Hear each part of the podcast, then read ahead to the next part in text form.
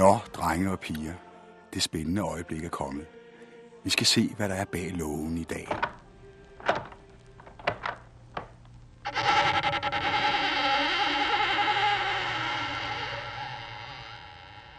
Vi går så op og ringer på hos fru Jensen, og der bliver ikke åbne.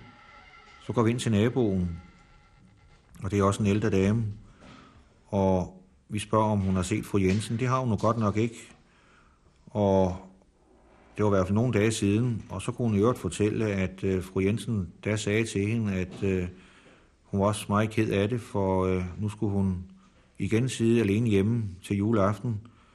Fru Jensen hun havde øh, to børn, hvor jeg, øh, en søn boede over i Jylland, og så var der en anden søn eller datter, det kan jeg ikke huske nu, som øh, var rejst til udlandet. Og fru Jensen var blev meget ked, over, eller meget ked af, at hun skulle sidde hjemme.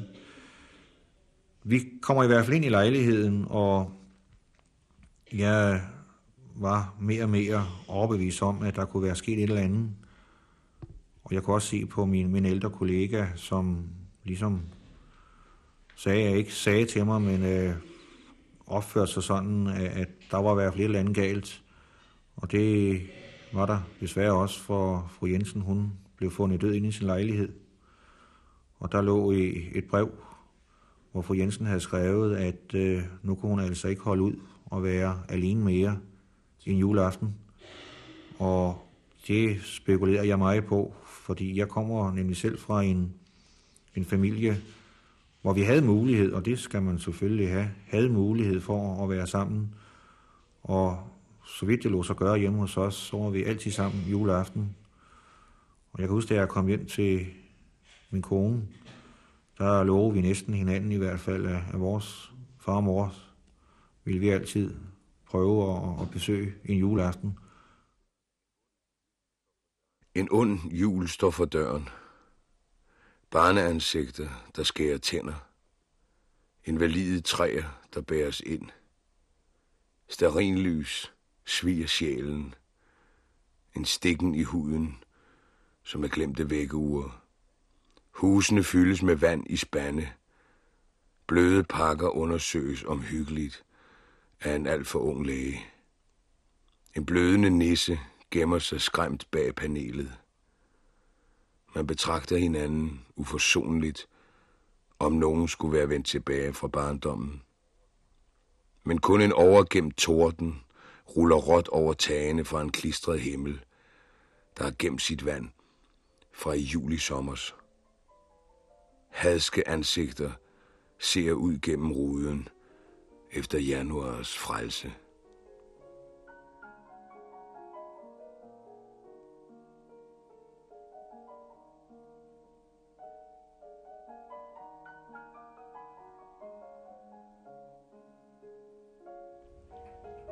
Det, det ligner ham så forfærdeligt godt. Sådan så han ud lige til det sidste. Men det sige, der var han blevet lidt tynd. Men hans ansigt, det, det er meget godt billede af ham. Det er det bestemt.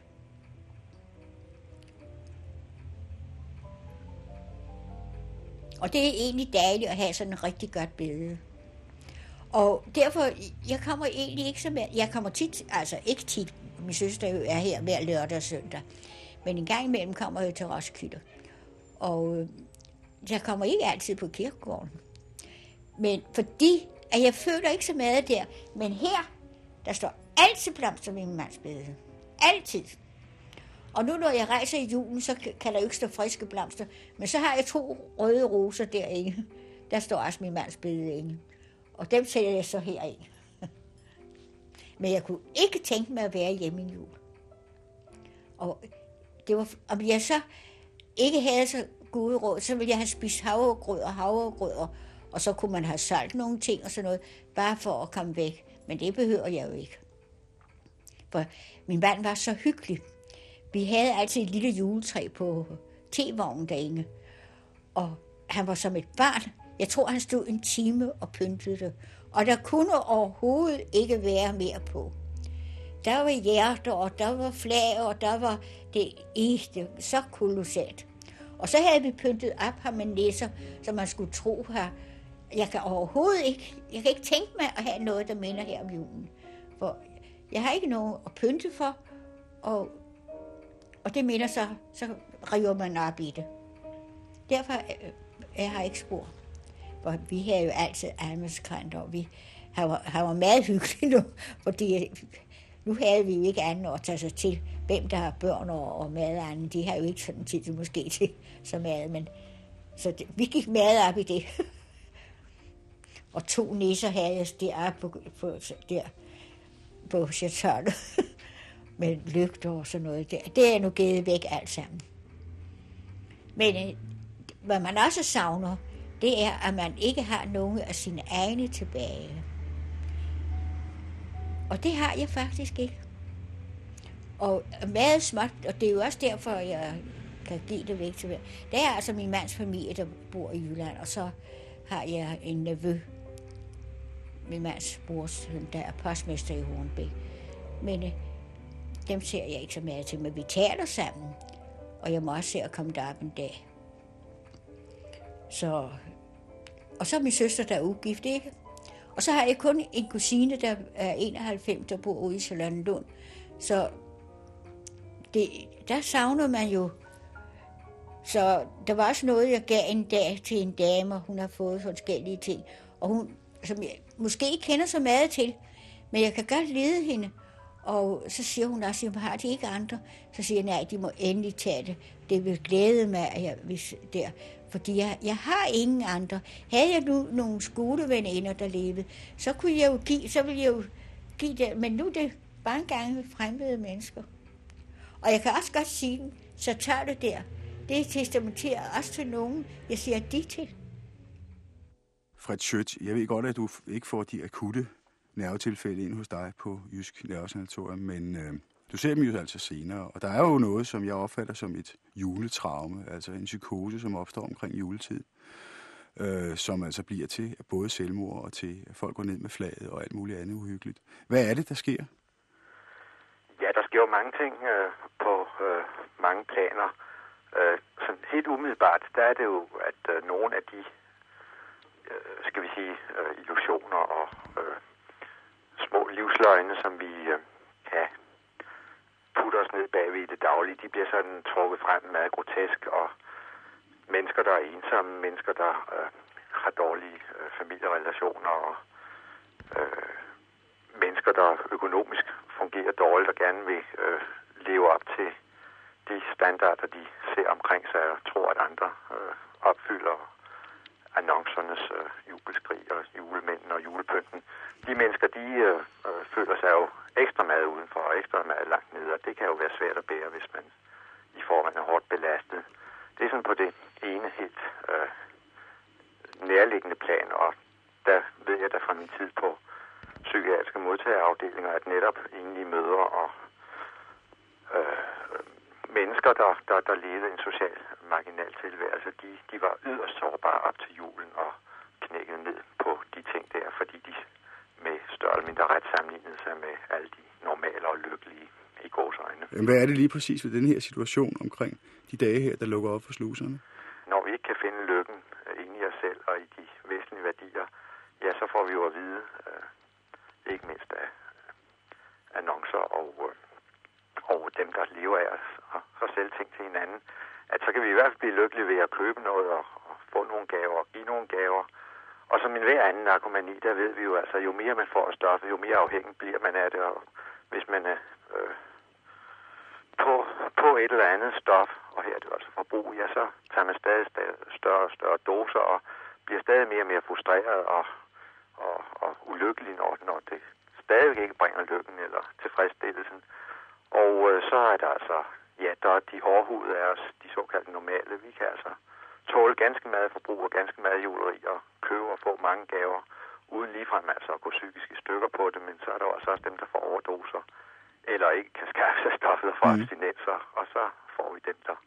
Dem, der, ikke, dem, der ikke kan skaffe sig stoffet? Ja, det, det er jo altså dem, der øh, er fattige eller øh, udstødt eller på anden måde øh, i, i den situation, at de, de står med næsen mod ruden, andre mennesker den, os i julefrokoster ja. og julegaver. Den mangel på stof, kan du også se den hos dine patienter over hos dig i øjeblikket? Altså nu hvor ræse kører for fuld tryk? Altså, jeg, jeg kan se det på, på det plan, jeg var inde på i, i starten, altså, at øh, øh de mennesker, der... Øh, har de det dårligere lige nu? Ja, det er helt klart. Det, det, det er der mange, der har. Øh, fordi øh, de, øh, de øh, føler, at de ikke slår til, og de, øh, altså, de, de er sådan lidt mere traditionelle, øh, gammeldags øh, også blandt os blandt vores patienter. Øh, de øh, føler, at de øh, svigter familien ved ikke at være hjemme og bage syv slags småkager og forberede dit og gøre datter og så videre. Dem, der er socialt hårdt presset, de tænker på kammeraterne, der får dyrtøj, øh, børnenes kammerater, der får dyrtøj og fine gaver, og hvad har de selv at, at gøre godt med. Og det, det er jo en forfærdelig pinagtig situation, som vi selvfølgelig arbejder terapeutisk med, som vi gør med alle ja. den slags øh, illusioner i tilværelsen. Sig mig engang, øh, vi var inde på før, at der også er en eller anden form for, for øh, bundeanger, altså for øh, alt det, man ikke rigtig har gjort i årets løb i denne her situation. Kunne man forestille sig, at det måske var en meget god og meget smart ting, at alle de her Etiopiens og Afrika-indsamlinger, de kom lige op til jul? Altså taktisk set er det da helt klogt, fordi det er jo da en, en periode, hvor øh, mediemanipulatorer og reklamefolk og andre dygtige øh, menneske be, øh, øh, behandlere, kan man sige, øh, at de, øh, de, de spiller på de strenge der. Så jeg vil da sige, at hvis det gælder om at samle mange penge ind til Etiopien, så har man da valgt det rigtige tidspunkt. Og godt det samme, fordi det er da i hvert fald et utvetydigt rigtigt formål. Men øh, igen må man jo sige, altså, at øh, hvor vi vel i og sig burde prøve på lidt mere i vores hverdag at være lidt nærmere ved hinanden og lidt nærmere ved os selv samtidig, øh, så er det jo en temmelig stor mundfuld at skulle sluge i løbet af nogle få uger eller nogle få dage koncentreret og en enkelt højtid. Så også det kan man igen sige, altså det, der øh, står kravene og belastningerne på den ene side øh, i et vældig misforhold til, hvad mennesker sådan normalt kan forvente sig klare og yde. Jamen det var da heldigt, hva'? Der hænger to sammen. Du kan også godt lide pebernødder, ikke? Ja, det tager jeg godt. Ja, og du har også fået nissehue på i dag. Nej, hvor er du sød, hva'? Nu har du også snart været inde hos os mange gange, hva' Kenne? Nu må du da kende. Værsgo. Værsgo.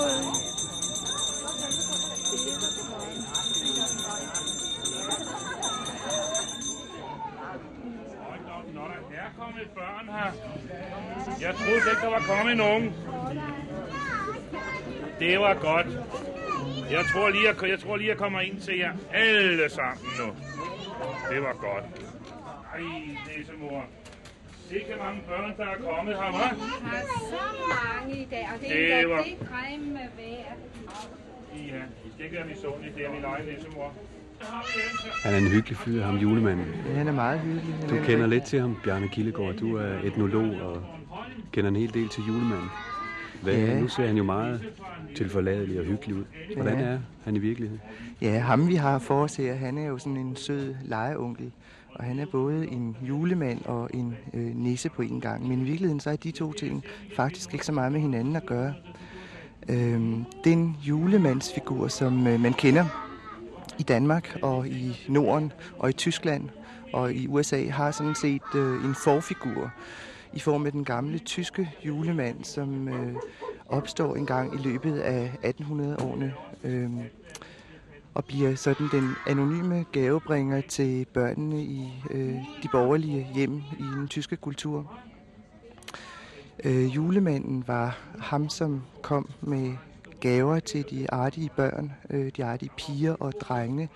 Gaver i en stor sæk, og øh, øh i siden øh, af sit bælte, der havde han sådan et stort risknippe hængende.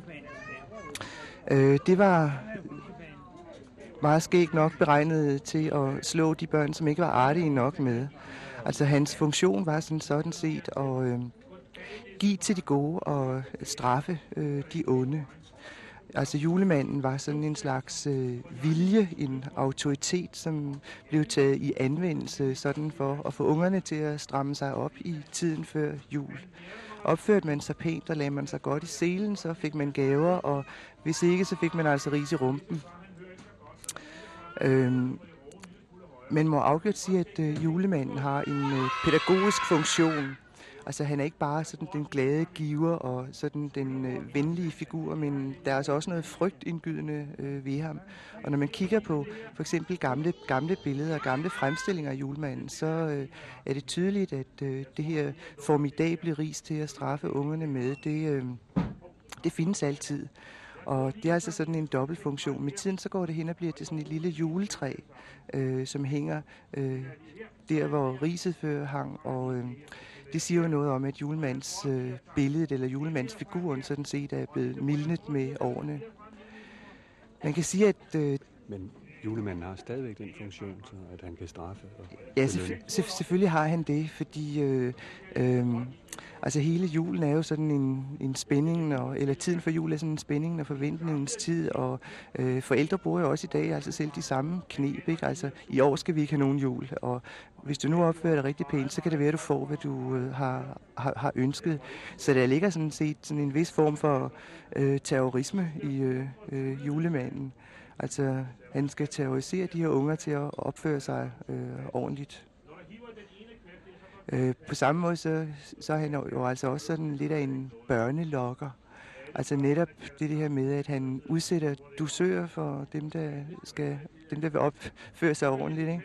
Øh, og lover og giver løfter om, om, om gevinst. Ikke? Det er sådan en slags lokkeri. Altså, det gælder om at få barnet til at gå ind på julemandens forudsætninger og betingelser.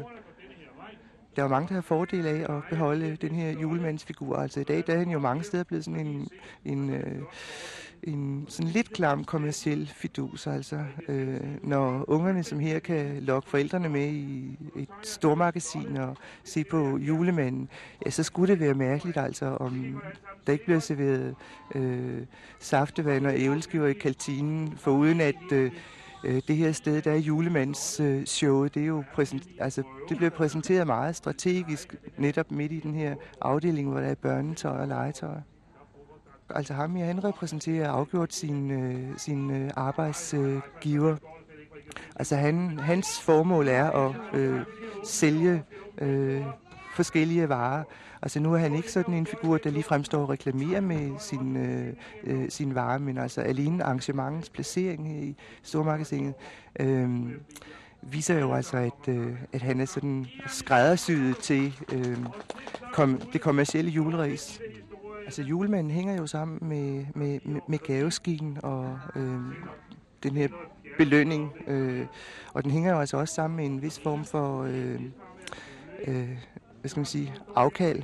Øh, og det tror jeg nok måske er julemanden og gaveideens, øh, øh, en af dens meget væsentlige funktioner i dag. Det er netop det her med, at man, øh, man synes, voksne synes, hvor forældre synes, at når de har stresset sådan i hele året, og navnlig i december måned, altså så det her med gaverne til, til børn, ikke? det bliver sådan også noget med, at øh, man betaler øh, i, altså man betaler forældrekærligheden i form af, af gaver. Ikke? Det er sådan, hvad skal man sige, øh, genstandsgjort øh, kærlighed af, af, af gaven egentlig, øh, egentlig udtrykker. Rit Bjerregaard, jeg har engang hørt dig fortælle om arbejdsgivere, den traditionelle arbejdsgiver til alle tider, som en, der belønner de gode og straffer de onde. Hvad mener du med det? Det, jeg tog udgangspunkt i, det var øh, først og fremmest den øh, opfattelse, der er hos øh, mange arbejdere, som øh, går ud på, at man øh, på en måde skal øh, belønnes for sin, øh, for sin indsats, fordi man, øh, man er et flinkt menneske. Og øh, opfattelsen af, at man er sin løn værd, øh, måske ikke er så øh, udbredt. Det var noget, øh, det er noget især øh, Axel Sandemose har trukket frem i sin øh, bog En flygtning øh, krydser sit spor, hvor han meget understreger, at øh, det er karakteristisk for, øh, for mange arbejdere, at de går og venter på den store gevinst eller belønning, men ikke omfatter penge egentlig som et, øh, et magtmiddel. Hvad, hvad er den store gevinst så? Og belønningen, hvordan, hvad er det for en? Det er, at man måske lige pludselig vinder i lotteriet, at man lige pludselig får øh, massevis af penge for ærerne, rig onkel i Amerika og hvad der har været forestillinger af den slags. Men, men det, der ligesom kan være det bekymrende i det set politisk, det er, at man ikke opfatter penge som som er en betaling for en bestemt indsats og penge som noget, der i, øh, i vores øh, verden bruges til at give magt med. Har det altid været sådan, tror du, at arbejderklasse har opfattet pengene som noget, nogen havde per definition, og det kunne man ikke fordele i? Det har du næsten sagt. De lå et sted, og der, der øh, blev de så uddelt i små portioner som belønning en gang imellem. Det er jo en opfattelse. Man kan jo ikke sige, at det altid har været sådan. Jeg mener, vi har eksempel på folk, der har sat sig op imod den slags ting, og fagbevægelsens øh, indsats igennem årene for at prøve at ændre på nogle af de her forhold. Så det, jeg taler om, det er nok mere en, en øh, dybt liggende opfattelse, som måske ikke engang altid er øh, særlig øh, formuleret. Det vil i virkeligheden sige, at folk mange gange ikke rigtig tror på selv, at de kan tage øh, deres egen skæbne i deres egen hånd, og Ja. prøve på selv at lave den om. Ja, det kan man godt sige. Og der synes jeg, at, at det er vigtigt dels for politiske partier, som nu Socialdemokratiet, som jeg selv repræsenterer, men også øh, for fagbevægelsen, at man øh, tager den slags ting øh, alvorligt op og er med til at, øh, at sige til medlemmerne, at det her i allerhøjeste grad afhænger af, hvad de selv kræver og hvor hårdt de står på det. Det vil også sige, at i det der traditionelle billede af arbejdsgiveren, som du har forklaret på forskellige måder, der er arbejdsgiveren altså også en slags julemand, der kommer med gaver til de søde børn. Og julemanden er en slags arbejdsgiver. Nu er det selvfølgelig lige tæt ved jul, men jeg tror nu alligevel, de fleste ville øh, synes, at, øh, at det var svært helt at opfatte julemanden på den måde. Det man kan sige, hvis man sådan ser det i det kritiske lys, der er karakteristisk også for julemanden, det er, at man får noget. Man skal ikke selv gøre en indsats, selvom man selvfølgelig også i, igennem årene har, har yndet en, en fremstilling. Ja, over for børn. Ikke? Man, skal være, man skal være flink og rar. Men det er ikke en arbejdsindsats, øh, man gør for at få noget. Men, men grunden til, at julemanden spillede det er svært at fastholde, er jo, at det har jo kun virkning i forhold til børn.